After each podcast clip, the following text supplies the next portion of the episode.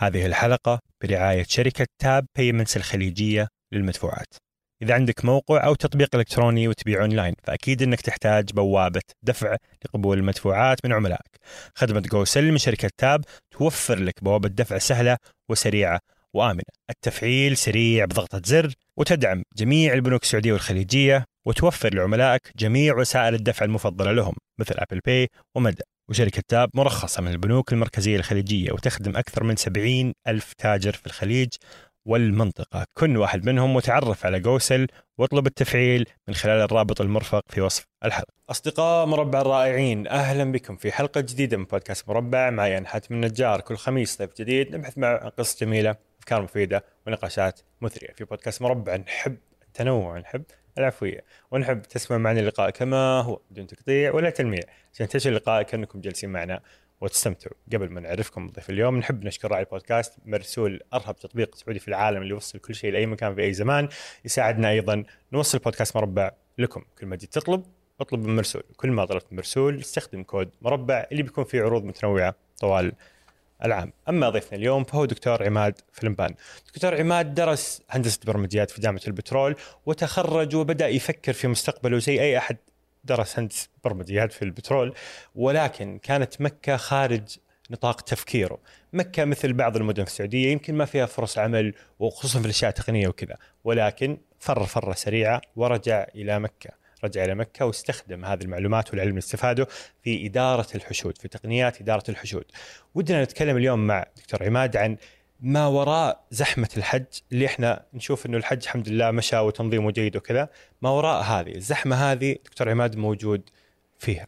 هو من أحد اللي ينظمون الحج سنويا والآن قاعد يستخدم التقنية في تنظيم الحج. ودي أيضا نعرف منه شيء. أنا شخصيا خليني أرحب فيك. أهلا وسهلا. حياك الله أخوي حاتم. وشكرا لك وشكرا يعني على الاستضافة واهلا وسهلا بالمتابعين. الله يديك العافية. أهلا وسهلا. وجميل ما شاء الله أول مرة ترى أدخل وادي مكة. إحنا الآن في وادي مكة فجميل ما شاء الله المكان. نعم الله يديك العافية. إن شاء الله هذا- هذا مكتبنا في وادي مكة مكتب بيت الخبرة في تقنية اداره الحشود. والله يحييكم. الله يديك العافية. الله يبقيك. أنا كنت حقولها في المقدمة بس بس هو صراحة سؤال أنا عندي فضول جدا جدا فيه. أنا ولدت وعشت في الشرقية وجيت جدة قبل خمسة ست سنوات تقريبا. واحد من الأشياء اللي اللي انصدمت منها صراحة هو إيش اللي يصير في مكة وأهل مكة أثناء الحج. كنت متوقع وعندي تصور إنه في حج وفي مثلا وزارة الحج والجهات المعنية يسوون كذا بعدين خلاص في ناس عايشين في مكة. بس انصدمت بالواقع. فحكيني وحكي الناس اللي اللي ما هم في مكة إيش يصير في مكة وأهل مكة أثناء الحج؟ ممتاز. هذه آه، حقيقة آه، مكة طبعا بحكم آه، كونها يعني مدينة مقدسة لج- لجميع المسلمين وحكم وبخصوص موضوع الحج ودعوة سيدنا إبراهيم عليه السلام بالحج ف يعني موضوع الحج صار متأصل في في مكة المكرمة. أنا حكي قصتي يعني من نشأتي في الحياة. كل ما في موعد في السنة معين آه، يعني من بداية القعدة إلى نهاية محرم مكة فجأة كده تتملى تتعبى بحجاج من جميع أنحاء العالم. الحياة فعلا عندنا في مكة تتغير يعني تصير زحام تصير حركة غير طبيعية آه، الأسواق والأماكن تصير 24 ساعة شغالة آه، نقاط التفتيش تكون موجودة حياتنا فعلا داخل مكة تتغير تغيير تغيير جذري وأنا أجز أكاد أجزم يعني ما أتوقع في بيت من البيوت في مكة إلا في شخص أو آه، سواء رجل أو امرأة ما له علاقة بالحج لأنه في الأخير الحج عمل موسمي آه، جميع أنا مت- جميع آه، بيوت مكة أتوقع داخلة فيه. آه، من إحنا صغار أنا اتذكر موضوع الزحام آه، موضوع الاستعداد موضوع ال- خصوصا الزحام يوم 12 النفرة من حجاج من منى إلى إلى إلى مكة. كنا ساكنين في منطقة اسمها العزيزيه وهي منطقة ما تفصل عن منى إلا يمكن جبل والآن ممت- ممتدة مع مع منى بشوارع وأنفاق. آه، فكانت هذه المنطقة العزيزيه يمكن من أكثر مناطق مكة غير غير مشا- المشاعر المقدسة زحاما. غير طبعا المنطقة المركزية. آه، بحكم إنه هي أقرب شيء للحجاج لمنطقة منى. هذا الزحام يستمر ثلاث أيام. تشوف أشياء آه، يعني ضغط على الخدمات وضغط على ضغط على ال- ال- الشوارع وأمور كثيرة جدا. فهذا ياثر حقيقة في حياتنا كسكان مكة ياثر علينا من ناحية البحث عن وظائف موسمية. آه، نتذكر حتى زملائي وأصحابي وأصدقائي من إحنا صغار يعني آه، ما يعني ما أعتقد أيضا عديت بزملاء كثير يمكن حتى اللي يبيع مويه يعني في في في منى ولا في عرفة يروح مع والده ولا ولا ولا أحد اقاربه يروح يبيع مويه يعني في تأثير كبير جدا على موسم الحج آه، للشباب والعوائل اللي في مكة. لدرجة إنه نحن ما نحس طبعا ب آه العيد. عيد. عيد صلاة الأضحى أو صلاة الأضحى ما نحس فيها بحكم إن انشغالنا حتى يمكن الوالد أحيانا يكون مشغول الزحام أصلا. أنت يعني أحيانا تستثقل تخرج برا البيت عشان لا لا تخش في زحام وتتعطل وتتأخر خصوصا يوم العيد، يوم العيد هذا آه، يعني يوم آه، يعني فعلا شوارع مكة أيضا تتأثر ويوم النفر اللي هو يوم 12 ذي الحجه. أتذكر وكل أحد يشتغل؟ لا مو كل أحد لكن أنا اللي كنت بقوله إنه كل بيت متأكد إنه في له شخص على الأقل. زي إيش يشتغلوا يعني؟ في طبعا موضوع الطوافة. آه، يعني ممكن آه، كثير من عوائل مكة مشهورين بالطوافة والطوافة هي استقبال الحجاج. بيكون عندهم مكاتب خدمة ويستقبلوا مجموعات من الحجاج ويخدموهم وي يعني ياخذوهم في رحلة الحج نفسها في في الشركات. طبعا المفهوم هذا صار منظم الآن أكثر صار في مكاتب خدمة ومؤسسات و وشركات لحجاج الداخل أيضا وكذا. فالموضوع صار منظم ومرتب و بس هم نفس نفس العوائل اللي كانوا يطوفوا بالضبط. سووا شركة وصاروا يطوفوا بالضبط. شركة. بالضبط. أنا عائلتي القريبة اللي هي الوالد يمكن الوالد حتى الاعمام والإخوان ما كانوا ما هم مطوفين. لكن آه، الوالد اشتغل في وظيفة حكومية وكان لها علاقة في الحج كان شغال في الأوقاف مثلا. والأوقاف هذه يعني أنا أتذكر يحكيني كان هو يروح آه، ينتدب مثلا لمراقبة الخدمات في مسجد عرفة مسجد نمره فكان هو من وزارة الأوقاف ومسؤول عن عن مسجد عرفة وبعدين انتقل إلى جامعة أم القرى واشتغل يمكن في بعض المواسم مع معهد خادم الحرمين الشريفين لابحاث الحج والعمرة ومعهد عريق جدا عمره أكثر من 40 سنة آه، مسؤول عن عن عن الأبحاث آه، والدراسات اللي لها علاقة بالحج والعمرة. آه، فالشاهد إن كان ما أنت مطوف من بيوت مكة وأولاد مكة أكيد والدك ولا أحد أقاربك إما يمكن من القطاع العسكري مداوم من القطاع الصحي حيكون مناوب من القطاع الحكومي حيكون مرابط آه، يمكن يمكن حتى الجامعة جامعة ام القرى يعني أعضاء كثير منها آه، شغالين في مواسم الحج وهكذا. آه، أثر علي يعني زي ما قلت لك أشوف موضوع الزحام وكنت سبحان الله موضوع الزحام هذا كان مزعج لأنه أكيد يعني أنت بتتعطل عن خدماتك الأساسية لكن في نفس الوقت كان كان ممتع تشوف يعني الاختلاط الكبير هذا بالاشكال الكثيره تتعلم ممكن ممكن تتعلم لغات كثيرة. كنا نتذكر نشتري مثلا الفستق من الحجاج الإيرانيين. كنا نشتري بعض الأدوات المتقدمة من الحجاج الروسيين كانوا يجوا عن طريق البر. فكان في حركة اجتماعية اختلاط ثقافات. أتذكر يعني إلى الآن في ساعة في مواقف كدي كانوا حجاج البر يجوا من روسيا من من من الدول اللي هي الروسية من الاتحاد السوفيتي أول كانوا يجوا عن طريق البر باصاتهم القديمة اتذكرها يفردوا في ساحة المواقف ويبيعوا آه، أشياء يمكن نحن نبحث عنها آه، خيام يبيعوا آه، مثلا مناظير اللي هي المكبرات يبيعوا راديو أشياء غريبة ما تدخل عندنا السوق السعودي لأن يجيبوها ك مع الحجاج مع, يعني مع الحجاج. أغراض. نعم. فيعني هذه أول مرة أعرف انه إنه كان يعني حتى اللي يعرف إنه ناس تشتري من مكة. أيوه. بس أول مرة أعرف إنه حتى الاثنين هم مكة هم يجوا طبعا محملين ببضائعهم يبيعوا ويشتروا من هنا ويروحوا. وأنا أتذكر فعلا حجاج مثلا يعني حجاج الإيرانيين كانوا أتذكرهم وأشوفهم في العزيزيه يشتروا أجهزة كهربائية وكذا و- و- و- ويسا- وي- ويرجعوا.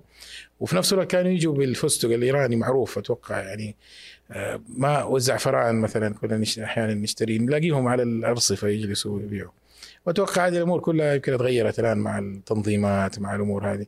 على أساس إنه كمان ال- العشوائيات هذه تتحسن. وأتوقع في لها دور كبير من السلامة. والسلامه اللي يمكن نحن نتكلم عنها أكثر يمكن في اللقاء هذا. يعني موضوع السلامة وتاثيرها على الحشود والضغط على الشوارع في لها دور كبير أيضا فيه جميل. آه كنت في طفولتك تشوف الحشود والحج زي أهل مكة جميعا، بعدين انتقلت إلى البترول درست هندسة برمجيات. نعم. هل كان في تصورك إنك حترجع مكة ولا زي أي المدن ال- الغير أساسية أو غير رئيسية دائما يمكن أهلها يحسوا إنه أوه يلا بشتغل عشان أروح الرياض ولا بشتغل عشان صحيح فلما درست في البترول إيش إيش كنت يعني مت- متصور؟ والله طموحي طبعا كان جامعة الملك فهد آه، آه، الحمد لله يعني قبلت فيها عام سنة 93 تخرجت سنة 98 وزي ما تفضلت يعني الشعور إنك معظم الخريجين هناك ينتقلوا لشركات خاصة جهات حكومية يمكن في في مدينة الرياض وجاني أكثر من عرض في مدينة الرياض في مدينة الملك عبد العزيز في شركة الإلكترونيات الحديثة آه، في ينبع آه، كان في أيضا فرص. آه، الوالد الله يذكره بالخير ويعطيه العافية والصحة ويمتعه بالصحة كان في جامعة أم القرى. وكان دائما يحكيني عن ال- ال- الحياة الأكاديمية والدورة الأكاديمية لعضو هيئة التدريس. يبدأ من معيد ويبدا إلى إلى دكتور إلى يعني إلى بروفيسور في الأخير. وسبحان الله كان يتمناني أكون آه، أحد أعضاء هيئة التدريس في أي جامعة. آه، وعرض علي في جامعة الملك فهد. آه، الحمد لله كنت يمكن الثاني على الدفعة والاول على الدفعة. أتخرجت مرتبة شرف أولى وكنت مرشح إني آخذ معيدية. وآثرت إنه ما ما أكون في الشرقية بسبب بس البعد عن عن الوالد والوالدة. آه، فرجعت هنا وقدمت على جامعة أم القرى والحمد لله يعني انقبلت ودخلت الدورة هذه دورة الحياة الأكاديمية. آه، بتتعين على وظيفة معيد مع انه يمكن راتبها كان آه، نصف راتب أي وظيفة أخرى كان ممكن أحصل عليها. لكن مستقبلها كان واسع جدا، يعني أنا أنا عجبني في الموضوع هذا الحرية آه، إن إمكانية إنك تعمل في في تطوير آه، يومك يوم يوم العمل ما هو يوم روتيني نفس الأعمال تعملها؟ في تحديات جديدة دائرة ال- الراحة اللي عندك بتتوسع. آه، انتقلت إلى ال- أمريكا درست في جامعة هاي ستيت آه، في نفس التخصص آه، حاسب آلي. تخصصت في الشبكات اللاسلكية آه، وبالتحديد في شبكات ال- الحساسات اللاسلكية.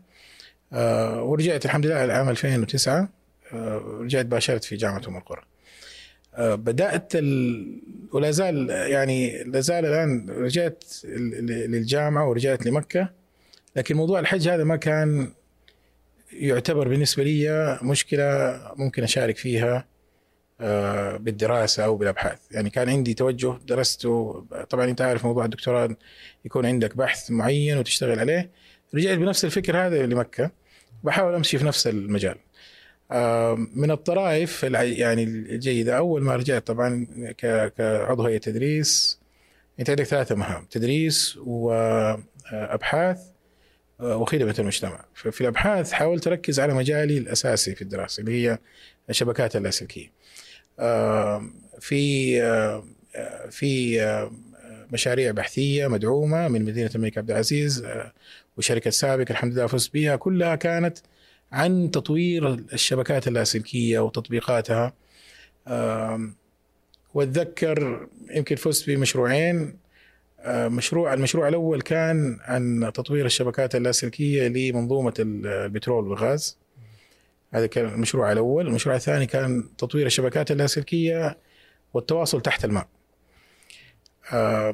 فلو تلاحظ أنت الآن الحمد لله فزت بالمشروعين هذه وعشان أبدأ أعمل في المشروع اضطريت إني أتواصل مع شركات في المنطقة الشرقية لأن هي شركات البترول هناك وينبع وبالنسبة للبت... لل- للشبكات ما تحت الماء تواصلت مع شركة زراعة استزراع الأسماك لأنه عندهم بنية تحتية فممكن نحن يعني نزرع أو نجرب التجا... نعمل التجارب هناك. الطريف في الموضوع إنه إنه أنا في مكة وفي جامعة أم القرى في مكاننا هذا الآن آه، لو نقطع الشارع الخط السريع اللي يودينا على الهدى نلاقي عرفة فمشاكل الحج. وتحديات الحج كلها كانت أمامي لكن أنا يعني حاولت أفكر بنفس التفكير النمطي اللي جيت فيه من الدراسة. وتخليني أطور في موضوع الاتصالات اللاسلكية وخلينا نشوف التطبيقات اللي كانت بعيدة أصلا عن عن متناول يدي. يعني بعيدة اضطريت إني أسافر للشرقية وأروح لمنطقة منطقة الليث عشان ندرس آه، التواصل بنيت مسبح آه، عشان أعمل التواصل اللي هو تحت تحت الماء وطورنا خوارزميات الحمد لله يعني أنجزت المشاريع ببراءة اختراع آه، بأبحاث بأوراق علمية. لكن في الأخير تحس إنك أنت ما خدمت المجتمع المحيط اللي حوالينك. ما شف ما شفت اللي قدام عينك. ما شفت اللي قدام عيني شفت بالضبط. اللي كل احد يتكلم عنه. شفت بترول، شفت آه، ال- شفت الاشياء البعيدة اللي هي كانت امتداد لتفكيري أصلا أيام الدكتوراه. آه، لكن كان في تحديات في تحديات واضحة أمامي في البلد نفسه. يعني كنا أنا أتذكر إلى 2015 آه، أنا كنت كل موسم حج آه، آه، يعني أسافر اخذ لأنه هو وقت إجازة. تلاقي مكة هنا مليانة حجاج ومليانة المشاكل شغالة والتحديات قصدي موجودة وأنا خلاص مقفل على الموضوع وأسافر. يعني آه، إما أخرج إلى جدة ونجلس فيها أسبوعين أو مثلا خارج المملكة آه، ون- ونرتاح وبعدين نرجع بعد الإجازة يكون الدنيا هديت. في 2015 سبحان الله كان في آه، حادث كذا أو حادثة حادثة التدافع اللي صارت في منى. حقيقة وأنا ذيك السنة حجيت آه، كنت حاج وكنت وقتها خارج أصلا من آه، الحرم بعد طواف الإفاضة آه، فأسمع في الأخبار وعلى تويتر وال, يعني بدأت يعني الضجة تصير. وكان فعلا حادث مؤسف حقيقة وفي نفس الوقت شد الانتباه. يعني شد شدني موضوع الحادث هذا وليش صارت المواضيع هذه. بدأنا في ال في ال في البحث التحري. بدأت أبحث وأقرأ عن موضوع إدارة الحشود موضوع التدافعات موضوع ال- الموضوع هذا الكبير جدا لأنه يعني فعلا موضوع مهم جدا. إذا أنت آه، تستضيف 2 مليون 2 مليون ونص آه، حاج من خارج ال- المملكة ومن داخل المملكة في منطقة جغرافية ضيقة فأنت وصار تدافع زي هذا مع حرص الدولة الله يحميها ويحفظها على تيسير أسبل يعني أكثر السبل راحة وللامان للحجاج في في مشكلات وتحديات لازم لازم يعني خصوصا إحنا كباحثين آه، نبدأ نشتغل عليها. آه، وقتها كان موجود جسر الجمرات آه، طبعا جسر الجمرات أنشئ بطريقة يعني ممتازة جدا وس- وسهلت الحركة جسر الجمرات يستوعب أكثر من 500 ألف حاج في الساعة طبعا يعني إلى ذاك الوقت ما كان في حادث من 2005 أتوقع إلى 2015 ما كان في حادث ابدا للتدافع. كان عادة الحوادث تصير في جسر الجمرات نفسه. آه لما هد لما هدم الجسر القديم المنشأة القديمة وانشات المنشأة الجديدة ما في أي حادث آه ظهرت. ظهر هذا الحادث في شوارع آه في شوارع المؤديه لمشعر منى لمنشأة الجمرات وبالتالي خلق تحدي جديد. خلق تحدي وفكرة جديدة لمشاكل ما كانت يمكن موجودة أول وبدأت الان. آه، فهذا كان يمكن نقطة تحول في حتى في أبحاثي وأفكاري أنه نبدأ نركز على موضوع آه، وتحدي للمجتمع المكي آه، وتحدي للحجاج وكيف نقدر نعمل حركة التفويج وحركة إدارة الحشود بطريقة أكثر سلاسة وأكثر أمان للحجاج على أساس إن شاء الله يؤدوا مناسكهم بكل راحة ويرجعوا لبلدانهم سالمين غانمين بعد ما أدوا الفريضة بكل بكل راحة. آه، الحمد لله من بعد آه، يعني آه، 2015 بدأت أركز أكثر على الأبحاث آه، فزت بمشروع من وزارة التعليم عن إدارة الحشود في التحديات الكبرى عام 2018 آه، أيضا فزت في مشروع استشاري آه، مشاريع استشارية آه، لصالح وزارة الحج والعمرة لتطوير بعض ال- النظم وبعض الوسائل وبعض الج- الجداول الزمنية. وأيضا في مشروع القطار لإدارة الحشود في آه، محطات القطار قطار المشاعر في تسع محطات. آه، أخذت مشروع لكتابة الخطط ومتابعة إدارة الحشود داخل المحطات هذه.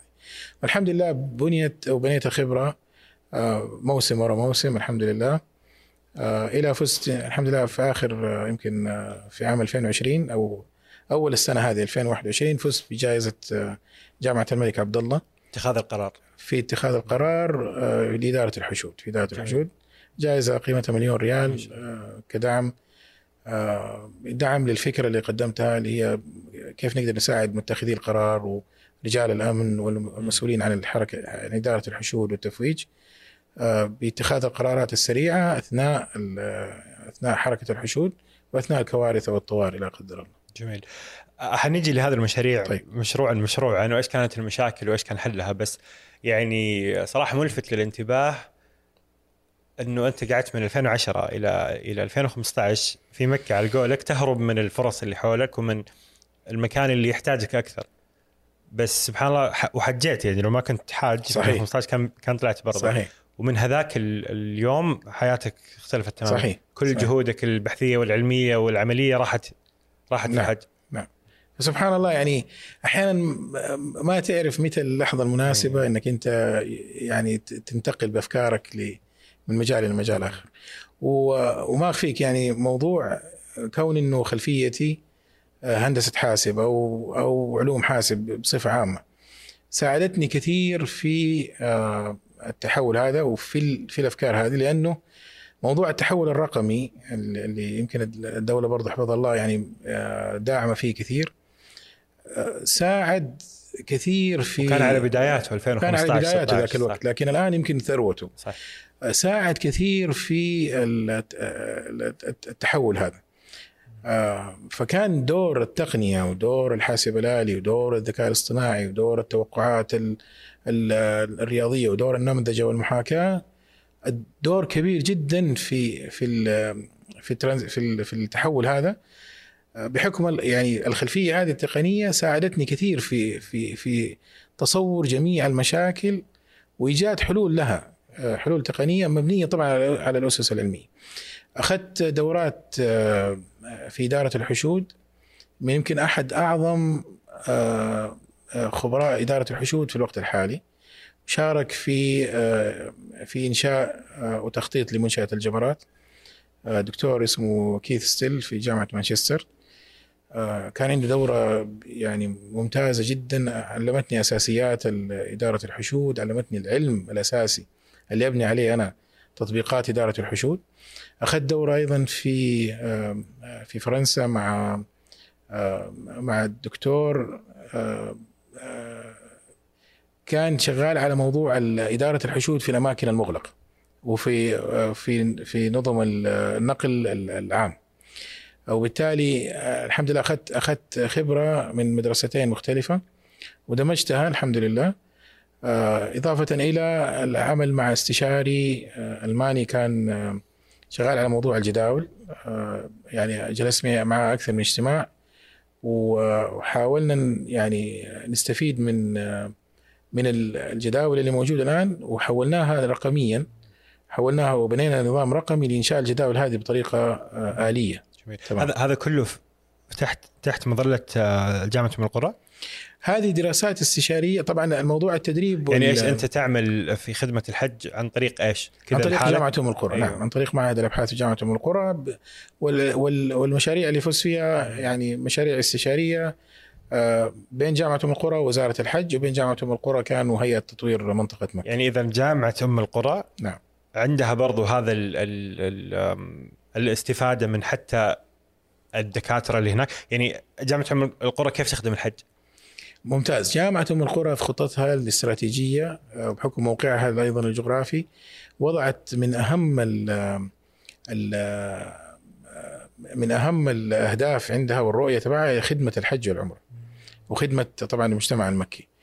آه، فالحج والعمرة وإدارة الحشود وإدارة النقل وإدارة الفعاليات الضخمة وإدارة ال ال- عارف الإسكان والإعاشة والأمور هذه كلها من صميم الرؤية والاستراتيجية لجامعة أم القرى وبالتالي هي مكنتنا كأعضاء هيئة التدريس من العمل في المجال هذا. في أدوات آه، وفرتها تساعدنا إن إحنا نعرض خدماتنا الاستشارية للجهات الحكومية. وبالتالي زي ما قلت لك يمكن في البداية آه، عضو هيئه التدريس أو الدكتور عنده ثلاثة مهام رئيسية، التدريس هذا للطلاب الداخلين، ال- الأبحاث لتطوير آه، بعض الأعمال يعني تطوير الأفكار الجديدة، خدمة المجتمع آه، تيجي بعد آه، خدمة المجتمع تيجي في الإطار هذا. تيجي إطار الخدمات الاستشارية. كيف تقدر تخدم المجتمع ال- ال- المحلي الآن لتطوير أعمال لحل تحديات حل مشاكل وهكذا. فنحن هذا يعتبر من خدمة المجتمع تقديم خدمات استشارية. وما أخفيك يعني موضوع نقل التقنية وتوطين التقنية وموضوع الاعتماد على الكفاءات الوطنية. طبعا هاجس برضو حكومي كبير. وبالتالي الحمد لله كلها صبت في يعني في في هذه المصلحة. آه، لما يكون آه، آه، إدارة فعالية ضخمة زي موضوع الحج خصوصا لما نتكلم عن أمور تقنية آه، هندسية بأيدي وطنية حيكون الحمد لله مطلب يعني أتوقع يعني وهدف كبير جدا من الاستراتيجية حتى الوطنية. يعني يا أهالي مكة وقت الحج اللي كل واحد يطلع يشتغل وكذا صار الآن مؤسسات مكة. صحيح. جامعة مكة وقت الحج مكة- يلا كيف نخدم الحج؟ كيف نخدم الحجاج؟ كيف نعم. ن... نعم. وحتى حتى الجامعة فيها معهد. و- وهذا هذا النفس موجود في الجامعة كل يوم عند الإدارة والدكاترة والطلاب. أكيد أكيد. يعني الجامعة الآن زي ما قلت لك الجامعة نحن في مقرنا الآن آه، عرفه أمامنا. آه، المقر القديم لجامعة أم القرى في المنطقة العزيزية منى أمامها. يعني منى في أكرو يعني آه، نقطع الشارع ونلاقي نلاقي منى. فالشاهد الجامعة أيضا بحكم موقعها الجغرافي في مكة مرت- مرتبطة بالحج. ويعني في رؤيتها الاستراتيجية أيضا خدمة الحج والعمرة من الأساسيات المهمة جدا وبالتالي جميع التوجه لو تلاحظ آه، متوجهين سواء هيئة التدريس أو طلاب أو حتى يعني إمكانيات آه، متوجهة لخدمة الحج. قاعات الدراسة الآن في جامعة أم القرى وقت آه، أثناء الحج أو أثناء فترة الحج تستخدم لتدريب العاملين في في في الجهات ال- الموسمية. يعني حتى حتى الأماكن حتى ال- الأماكن. أيوه أيوه. حتى اماكن أنا يعني حتى عندنا أماكن هنا مفتوحة جي- مفتوحة تستخدم مثلا مواقف ل القوات الأمنية مثلا كمس- كم- كمساعدة. فهي الفكرة إنه الجامعة ممزوجة وداخلة في الم- في المنظومة وعضو فعال في منظومة إدارة الحج والعمرة وإدارة الحشود آه، بشكل كبير جدا. وبالتالي سخرت الإمكانيات. آه، مثلا قطار المشاعر آه، تقريبا اللي يشتغل فيه لتشغيل قطار المشاعر وتسيير الحركة وإدارة الحشود في المحطات تقريبا ما يقارب 7000 شخص. آه، أكثر من 80% من العاملين الموسميين من طلاب الجامعة. فياخذوا تدريب ويشتغلوا في المواسم هم طلاب الجامعة أساسا. ففي آه، الفكرة إنه يعني فين ما تروح في الجامعة في تكالب. جهود من كل أحد جدا شوف هذا اللي أنا كنت متحمس له في هذا اللقاء صراحة لأنه ترى إحنا برا مكة ما ندري برا أي. مكة في ناس اللي حجوا حجوا وجربوا إنه التجربه ما شاء الله سلسة ومنظمة واللي ما حجوا يدري إنه ما شاء الله في جهود حكومية في ميزانيات ضخمة في مؤسسات كبيرة تشتغل بس ما ما ند- أظن ما نتخيل إنه كل أحد يشتغل صحيح الجامعة كل يوم الدكاترة قاعدين يبحثوا صحيح. أوقات الحج وخارج الحج. صحيح. نحن. أصلا اجيك أديك من الط- الطرائف آه، جامعة أم القرى آه، تتأثر بحركة أيضا الحجاج لأنه الشارع الرئيسي هذا اللي يوصل للجامعه يقفل. ينقفل من يوم ثمانية إلى يوم عشرة صباحا. تخيل أنت يومين ما تقدر تدخل الجامعة إذا أنت جاي من خارج من خارج أو من مكة. طبعا موقع الجامعة في طريق على طريق الطائف مقابل لعرفة وبالتالي بحكم أنه هو الشريان الرئيسي اللي اللي يغذي عرفة آه، فعادة آه، إدارة المرور يعني توقف آه، دخول السيارات الصغيرة آه، على أساس الباصات بس يكون فقط للباصات وبالتالي يعني اتخيل الموضوع هذا إن أنت يعني يجوا من الطائف ولا إيش سووا طلاب؟ آه، لا طبعا وقتها وقت إجازة أساسا. آه لكن إحنا نحن ساكنين أنا من ال- الدكاترة اللي ساكنين في داخل الجامعة. فما أقدر أدخل آه، يعني بيتي إلا من طريق آه، طيب. من طريق خلفي. أوف.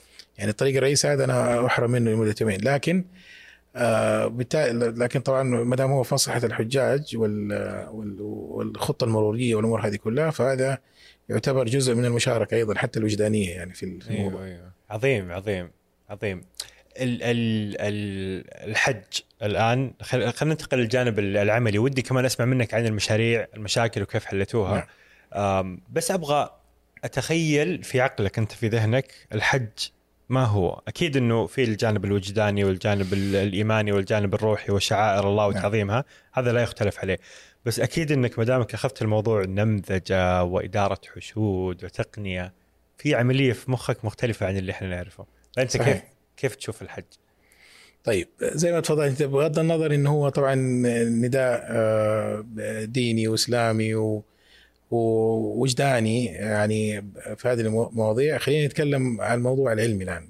الحج أشوفه أنا آه، آه، فعالية ضخمة. فعالية ضخمة يتجمع فيها تقريبا 2.5 مليون 3 مليون شخص من جميع أنحاء العالم. ففي تحديات آه، لوجستية كبيرة جدا آه، في الحج. أنت الحين لو لو تعمل أي فعالية موجودة على مستوى العالم آه، لازم تخطط لها تخطيط يعني جيد وسليم على أساس ما يكون في أي أخطاء أو تخلل الأخطاء.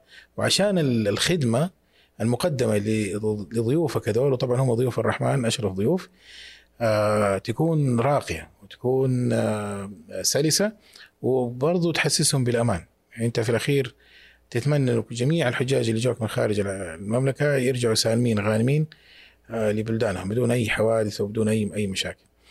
ففي الأخير أشوف الموضوع أنا لوجستي خدمة لوجستية فعالية ضخمة لابد إنك أنت يعني تركز على أربعة أو خمسة محاور رئيسية آه، عشان تخدم الضيوف هذول. يعني عندك منظومة الإسكان عندك منظومة الإعاشة عندك منظومة النقل اللي هي أهم آه، أو الحركة أو التنقل آه، بصفة عامة وموضوع الأمن اللي هو أمن أمن الجميع الأمن يعني العام أمن الأرواح وأمن الأموال وأمن الأمور هذه كلها وأمن حتى يعني الحشود والتكدسات.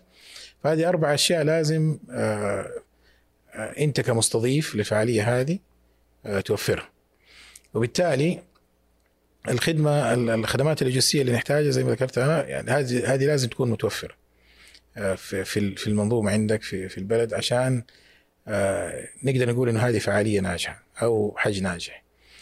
آه، يمكن أنا من المنظومة هذه كلها كنت مركز على موضوع التنقل والحركة لأنه في الأخير الحج الحج هو أصلا حركة يعني في تنقلات كبيرة جدا للحجاج آه، بداية من من مكة إلى منى إلى عرفة إلى مزدلفة ثم يعود إلى منى بعدين داخل منى أيضا في حركة من المخيمات إلى منشأة الجمرات آه، ثلاثة أيام بعدين من من منى إلى الحرم لطواف الإفاضة بعدين من منى إلى مكة بعدين من مكة إلى الحرم مرة أخرى لطواف الوداع والخروج.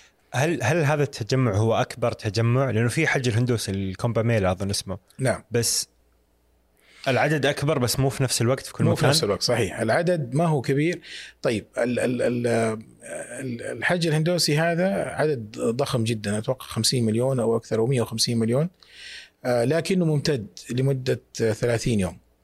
هذا هذا تمدد زمني آه، يساعد في تخفيف الكثافة. الشيء الثاني المنطقة نفسها كبيرة أيضا آه، ضخمة جدا. الشيء الثالث ما في له تنقلات يعني ما في له تنقلات من منطقة لمنطقه هي منطقة واحدة يتجمعوا فيها آه، يعملوا الطقوس حقتهم ويتوكلوا على الله. لكن يعني أكثر كثافة سكانية في منطقة واحدة في العالم تصير عندنا في الحج؟ أكثر آه، كثافة آه، بشرية في في العالم كفعالية عندنا في في في في مكة أثناء الحج. وخصوصا عند الحرم لأنه هو نقطة تمركز كبيرة خصوصا أيام طواف الإفاضة. وطبعا يعني بالتدريج أيضا على جميع جميع المناطق جميع مناطق المشاعر. في في في الحرم المكي آه، في دراسات ذكرت إنه وصل عدد الأشخاص آه، في المتر المربع يمكن أكثر من ثمانية أشخاص. وهذا عدد كبير جدا الستاندرد المعايير العالمية تقول إنك أنت لازم توصل لثلاثة أشخاص في المتر المربع عشان تكون عندك حركة سلسة. فتخيل ثلاثة مقابل ثمانية آه، وهذا طبعا يعني معايير آه، آه، عالمية طبعا صنعت وعملت لفعاليات معينة المعيار اللي يمكن نحتاج نبني يمكن أحد المع... يعني أحد المشاريع يعني فعلا المفروض تعمل أصلا هنا عندنا إنشاء معيار للحج عن مستوى الكثافة ومستوى عدد الأشخاص اللي في المتر المربع عشان عشان نضمن السلام. لما تفكر إنه أنت الآن تبغى تشتغل على مشروع يحل أكبر تحدي لمجموعة بشرية في العالم يمكن حتى في التاريخ يعني ما ما يخ... ما تحس إنه يخوف شوي؟ طبعا مسؤولية كبيرة جدا إنه آه يعني مرة ثانية نرجع ل 2015 المنظر يعني المؤلم اللي شفناه آه يعني آه حقيقة محزن لأنه أنت عندك آه أعداد كبيرة جدا توفاهم الله والله يتقبلهم شهداء عنده. آه، فما تبغى أنت المنظر هذا يتكرر مرة ثانية. لا تبغاه في في الحج أو أيضا في اي في أي مكان ثاني. فهو مسؤولية ضخمة جدا لأنه أي خطأ بسيط آه، ممكن يأثر وممكن يعمل كارثة لا قدر الله. وبالتالي آه، يعني نحن نتمنى الحمد لله إن شاء الله ما يكون في أخطاء لكن أيضا موضوع موضوع الطوارئ وموضوع الكوارث الطبيعية يعني مثلا إذا حصول أمطار أو حصول يعني حرائق لا قدر الله وأمور هذه كلها لابد أيضا أن نأخذ تؤخذ بالحسبان. يعني إذا إذا تم التخطيط على أكمل وجه لابد أيضا يخصص جزء من التخطيط كامل للكوارث للكوارث للأخذ بالحسبان في الكوارث هذه الطبيعية عشان لا تأثر أيضا على خطتك اللي ممكن تكون مثالية في في الوقت هذا. آه، قبل ما تبداوا العمل على رقمنه آه، حركة الحشود والتوقعات كان كيف كان كيف كان يتم؟ كيف كان يتم اتخاذ القرار ومتابعة الحشود؟ ممتاز يعني وين إيش المشكلة اللي كانت اللي أنت دخلت هي طبعا في أكثر من تحدي موجود آه، يعني خلينا نبدأ يعني أو يعني من البداية موضوع اتخاذ القرار لا زال حاليا لا زال العامل البشري هو العنصر المؤثر فيه بمعنى ما شاء الله يعني الحكومة استثمرت في منظومة نقل تلفزيوني آه، ضخم جدا من جميع المشاعر والحرم المكي إلى إلى شاشات القيادة والسيطرة آه، في للأمن العام وبعض الوزارات الأخرى. وبالتالي آه، متابعة النقل التلفزيوني هذه لأكثر من يمكن 4000 كاميرا موجودة يعني منتشرة في كل المشاعر ومكة ممكن يكون مرهق جدا للعامل البشري أو للعنصر البشري. متابعة بث تلفزيوني لمدة أكثر من أربع ساعات ممكن آه العامل العنصر البشري ممكن أصلا يفقد التركيز يقول لك بعد أربع ساعات ممكن يفقد التركيز وما يقدر يلاحظ بعض المشاكل الموجودة. آه فأول آه تحدي موجود إنه لماذا لا تستخدم التقنية الحديثة في تحليل البث التلفزيوني هذا وتحويله إلى أرقام يمكن الاستفادة منها في إعداد الخطط، يمكن الاستفادة منها في اتخاذ القرار. عندنا تقنيات كبيرة جدا مثل الذكاء الاصطناعي مثل تحليل الصور الحديث ممكن تقنيات التوقع آه، تحليل البيانات الجيومكانية هذه مهمة جدا في آه، في دعم اتخاذ القرار فكان هذا أول تحليل أو أول فراغ أو يعني لاحظناه نحن في خلال خلال الأبحاث إنه لماذا لا نغذي التقنيات هذه بتقنيات متقدمة أكثر. الآن يعني الحمد لله عندنا مركز قيادة وسيطرة على أعلى المستويات. لكن ما في تقنيات حديثة اللي إحنا بنتكلم عنها هذه الآن اللي هي تقنيات الذكاء الاصطناعي. يعني الآن في مركز في 4000 كاميرا تبث على الشاشات نعم أمامهم. موجودة. وهذه يمكن من أحدث التقنيات وأحدث المراكز للقيادة والسيطرة. وأيش اتخاذ القرار؟ يعني هو يشوف إنه هذه الجماعة متوجهة هنا إذا بالتالي لازم نعم. نفوجهم هنا؟ صحيح. فهو هو الآن اتخاذ القرار بالنسبة لإدارة الحشود يكمن إنه كيف أقدر أنا أتحكم في التدفق للحشود؟ بحيث إنه أوازن على النسبة اللي ذكرت لك هي قبل كذا اللي هي نسبة ثلاثة أشخاص في المتر المربع. فهذه هذا معيار السلام الآن اللي عندنا، كيف نقدر نوازن التدفقات؟ فأنت الآن أتخيل يكون عندك أنت طريق طويل ومغطى مثلا بست كاميرات. فمعناته أنت تضطر إنه في شخص معين حيتابع ست كاميرات ورا بعض متسلسلة أساس يشوف مقدار التدفق في الكاميرات المتتالية ويضمن إنه الكاميرات أو الأعداد ما بتزيد أو ما بتزيد عن أكثر من حد معين. فيعني جهد بشري كبير وجهد بصري أيضا كبير يعني تخيل أنت آه، العامل العنصر البشري أيضا بيبذل مجهود كبير بيخمن بيحاول أحيانا يعطي قرار بناء على تخمين هل هذا الشارع ممتلئ ولا لا؟ إيش يوجه يعني أيوه اذا من يوم ما يبدأ بالنسبة له هو أيوة. من يوم ما يبدأ الشارع يمتلئ يوجه إنه اوقفوا الجهات اللي الدوريات اللي هناك. أيوه. يوقفوا التفويج يعملوا مثلا عندهم تقنيات متقدمة جدا في تكسير ال ال ال الأفواج في تكسير الحشود في توزيعها على شوارع مختلفة في عمل احتياطات معينة. وجهد أمني يعني ممتاز جدا. لكن ما يبدأ إلا بقرار شخص في غرفة القيادة والسيطرة. فنحن ليه ما نساعد الشخص هذا اللي بيتخذ قرار؟ نساعده مبكرا. نقدر نساعده قبل الحادثة نفسها أو قبل الموضوع هذا ما يبدأ يتطور قبلها بساعة مثلا من أنظمة التوقع. أنا ما أقول إن الموضوع سهل لكن نبدأ نحن نوضع الخطط الخطوط العريضة للتقنيات هذه. نبدأ نطور تقنيات خاصة بنا خاصة بالحج خاصة بالأمن العام خاصة بإدارة الحشود اللي لها علاقة بالحج. نبدأ نطور تقنيات تساعد الأخوان هذول في اتخاذ القرار السليم. وهذه كانت أكبر تحدي أنا يعني آه، لاحظته وواجهته. آه، والحمد لله هذا مشروع أخذنا أخذت عليه دعم من وزارة التعليم في تطوير آليات اتخاذ القرار والتعرف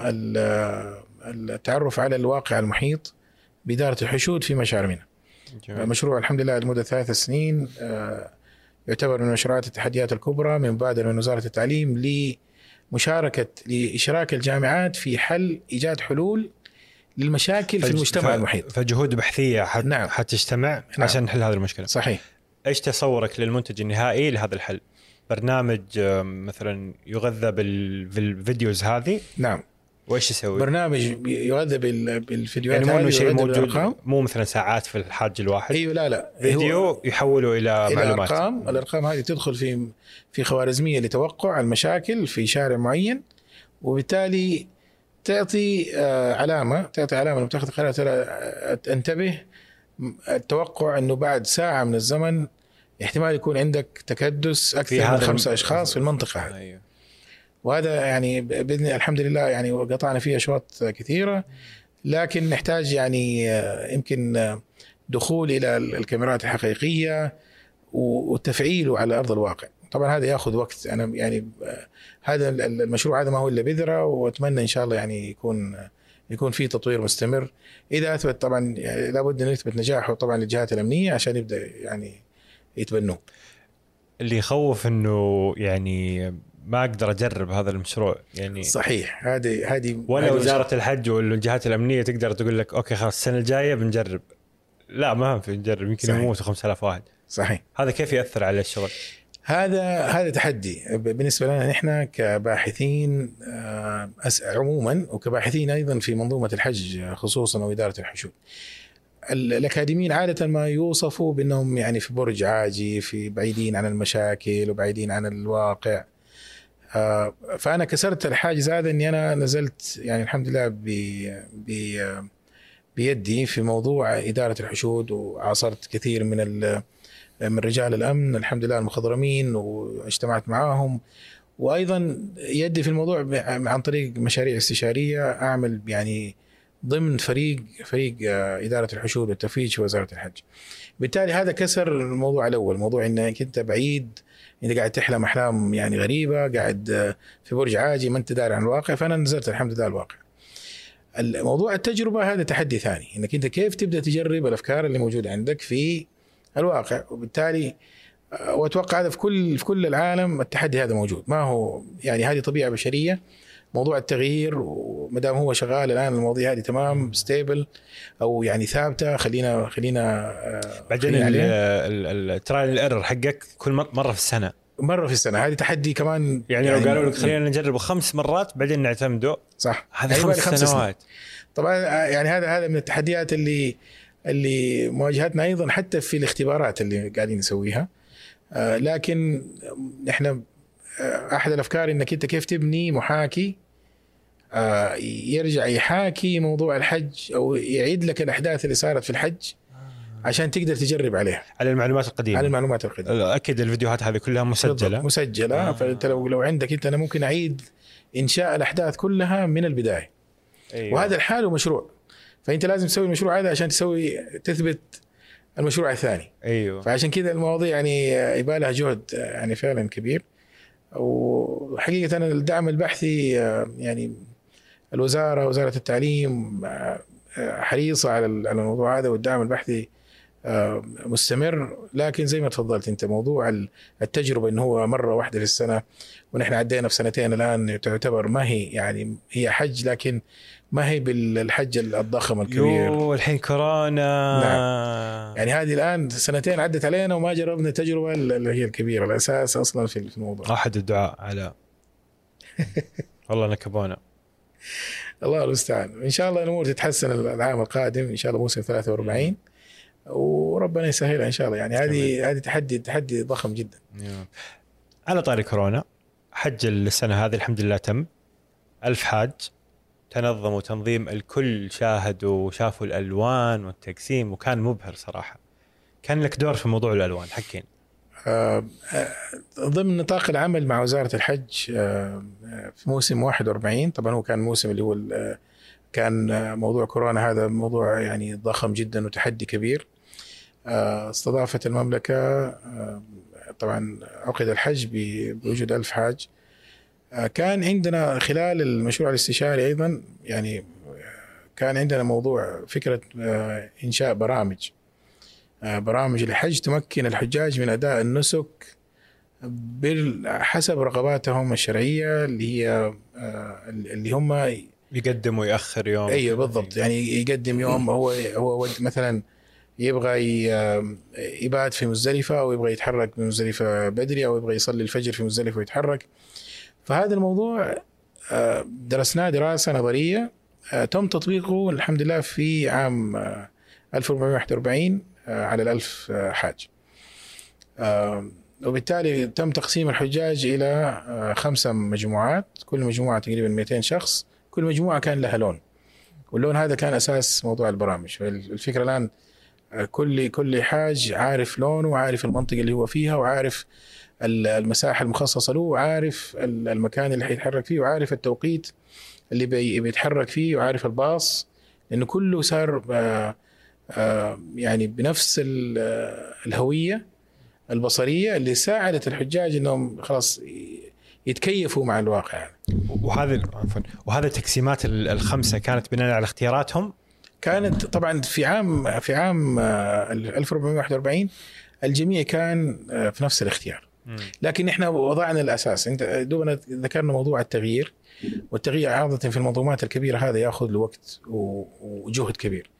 فكان أساس بداية التغيير إنه والله يعني للحجاج إنه ترى كل كل مجموعة لها لون معين. فكان هذا أول أول الطريق إنه الآن كل مجموعة لها لون معين. ولو لاحظت أنت في الحرم كان كانت المسارات في الحرم أيضا مقسمة. فكان هذا شيء رمزي يرمز إنه ترى يعني الحمد لله يمكن بدأنا في هذه الخطوة الأولى إنه ترى الحج يمكن حيكون فيه تغيير وطريقة تنظيم الحج حيكون فيها تغيير بناء على مفهوم جديد اسمه مفهوم البرامج. آه، وبدايته كهوية بصرية نحن الآن البرامج هذه سوينا لها تقسيم وتوزيع بالنسبة للألوان.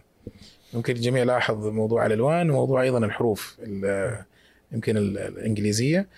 آه، آه، فكان كان هذا يمكن ال... كأنه استعداد نفسي في البداية.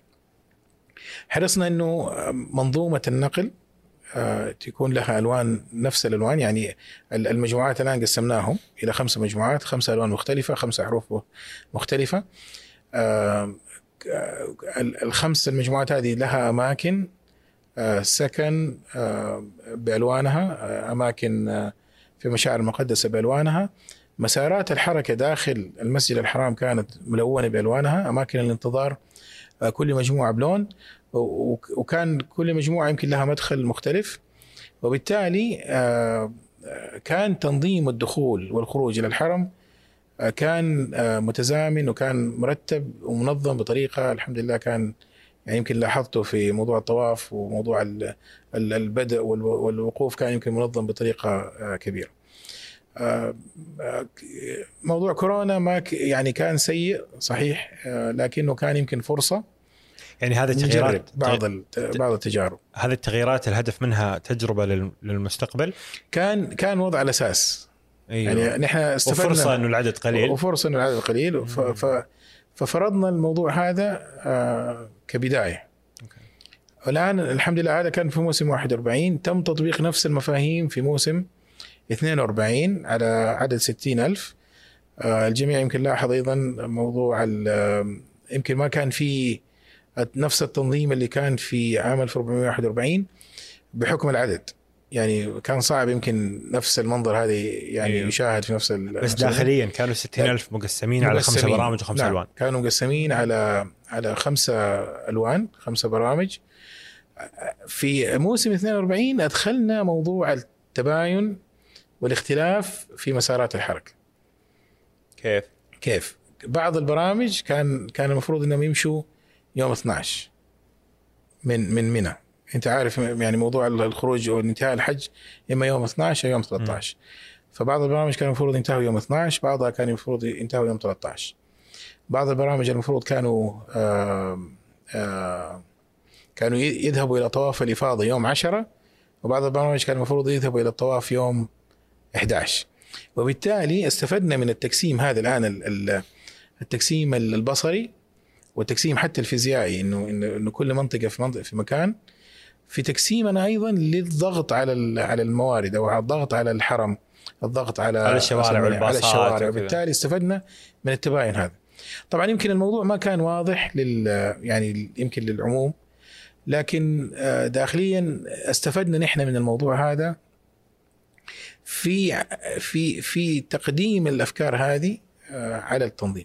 طبعا أنا أنا بتكلم الآن كعضو في في فريق استشاري يعمل في وزارة الحج. بالتالي كنت أعمل معهم يعني وكنت عضو من الفريق وأعتبر أنا مستشار أيضا في وزارة الحج. فأنا يعني بتكلم عن وزارة الحج بالنسبة لتنظيم الموسم اللي صار. لأنه هذه الجهود كلها كانت لوزارة الحج وأنا كنت عندهم كمستشار من من جامعة أم القرى. جميل. نعم. وتصورك للمستقبل إنه إذا يعني مبدئيا ضبطت الفكرة حقت الخمسه برامج والألوان يعني تتوقع إنه إذا صار في مليونين حاج إن شاء الله يا رب على خير الله إن شاء الله يعيد الله. يعيد هذا المنظر الجميل إن شاء الله يمدي على المليونين نسوي ألوان وبرامج إن شاء الله بإذن الله هي على فكرة موضوع حتى الحجاج في عام 1440 المليونين شخص هم كانوا مقسمين على مؤسسات إن كان يعني عارف منظومة الحج مؤسسات طواف وهكذا. الآن المؤسسات تحولت إلى شركات شركات طواف. لكن هذا يمكن أحد الأهداف الكبيرة من الدراسة إنه كيف نقدر نطبق الكلام هذا كله على مليونين حاج. وإن شاء الله حيكون في فوائد كبيرة جدا يعني تم دراستها وتقديم عليها يعني دراسات استشارية وتقديم أيضا أبحاث. في الفائدة الكبيرة اللي ممكن تستفيد منها. يعني أول فائدة هي فعلا تحقيق رغبة الحجاج. إنه هو يتمنى هو يمكن قاعد يجمع فلوس والمبلغ الحج هذا مدة 20 30 سنة. وعنده قناعات وعنده مدرسة بيتبعها ويبغى يتمنى يعمل الحج بهذه الطريقة. الطريقة هذه اللي هو متعلم عليها ومتربي عليها.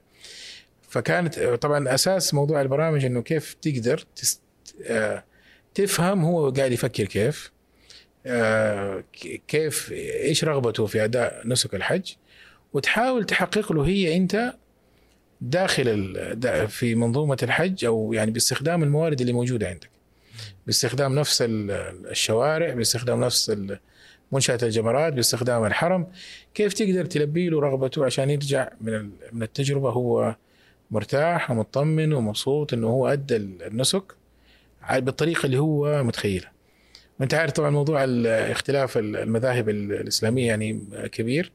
عندنا يمكن أربعة أو خمسة مذاهب.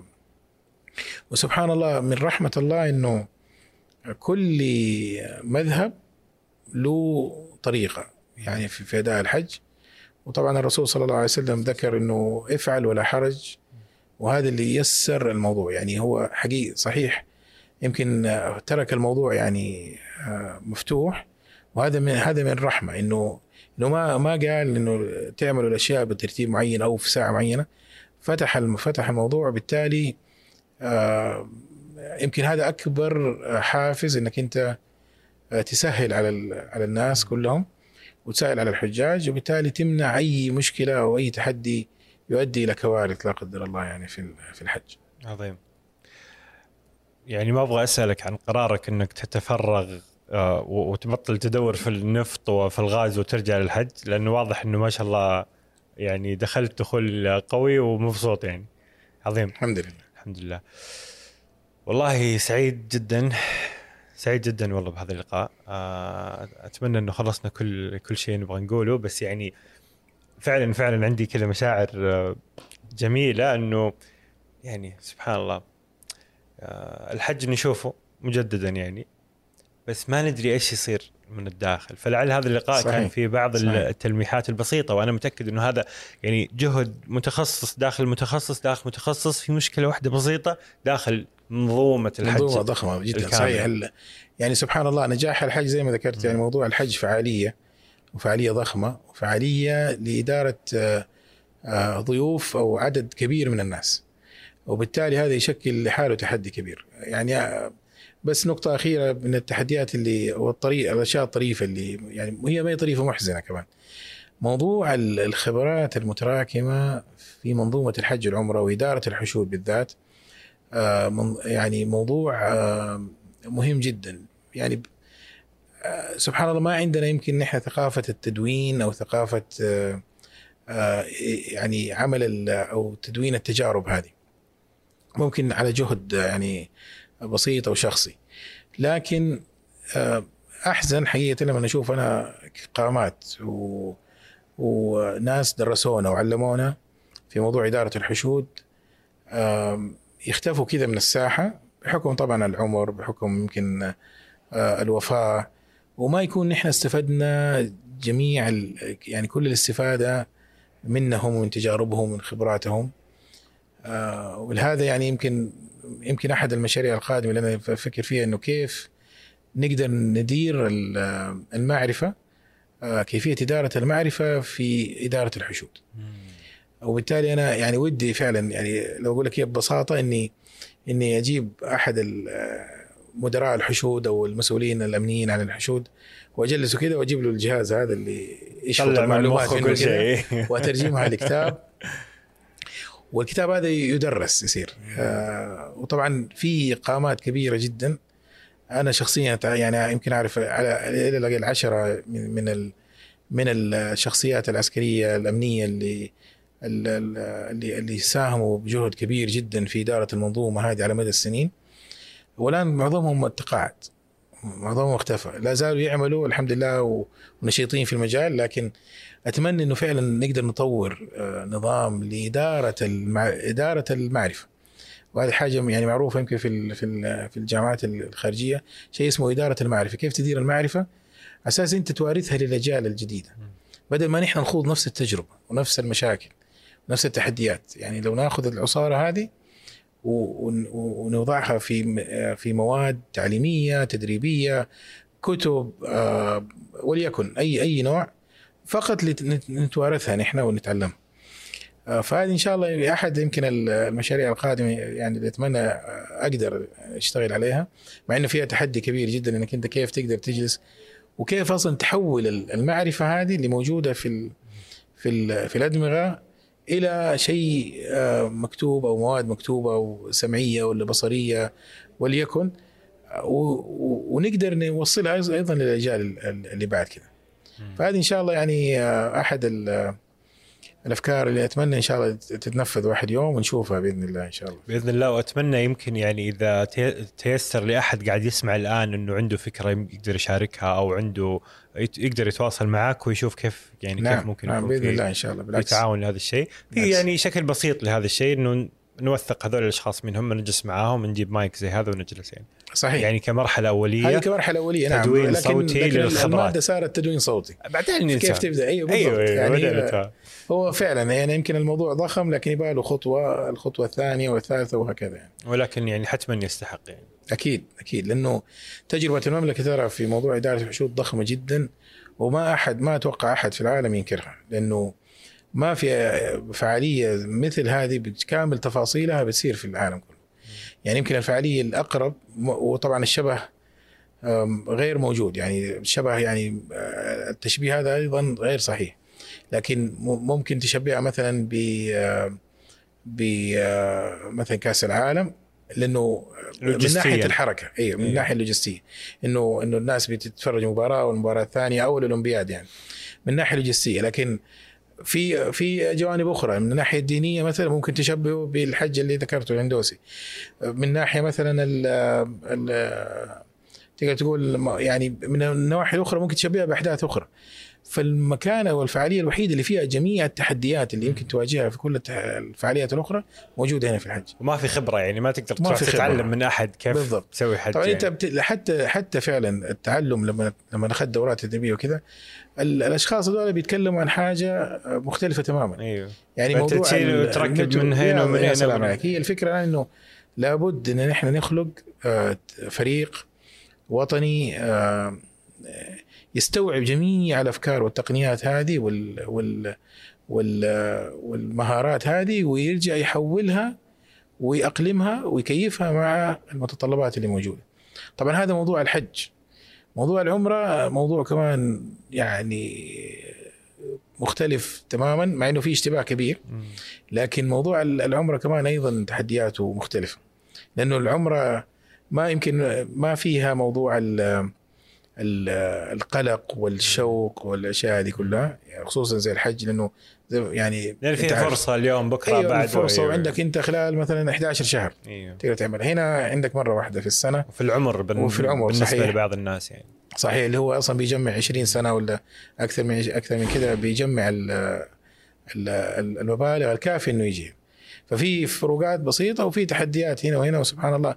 لكن الشاهد في الموضوع إنه نحن لابد داخليا هنا داخل الوطن آه، بفريق وطني آه، نستوعب كل اللي موجود برا ونعيد ترجمته ونأقلمه مع المتطلبات اللي موجودة عندنا.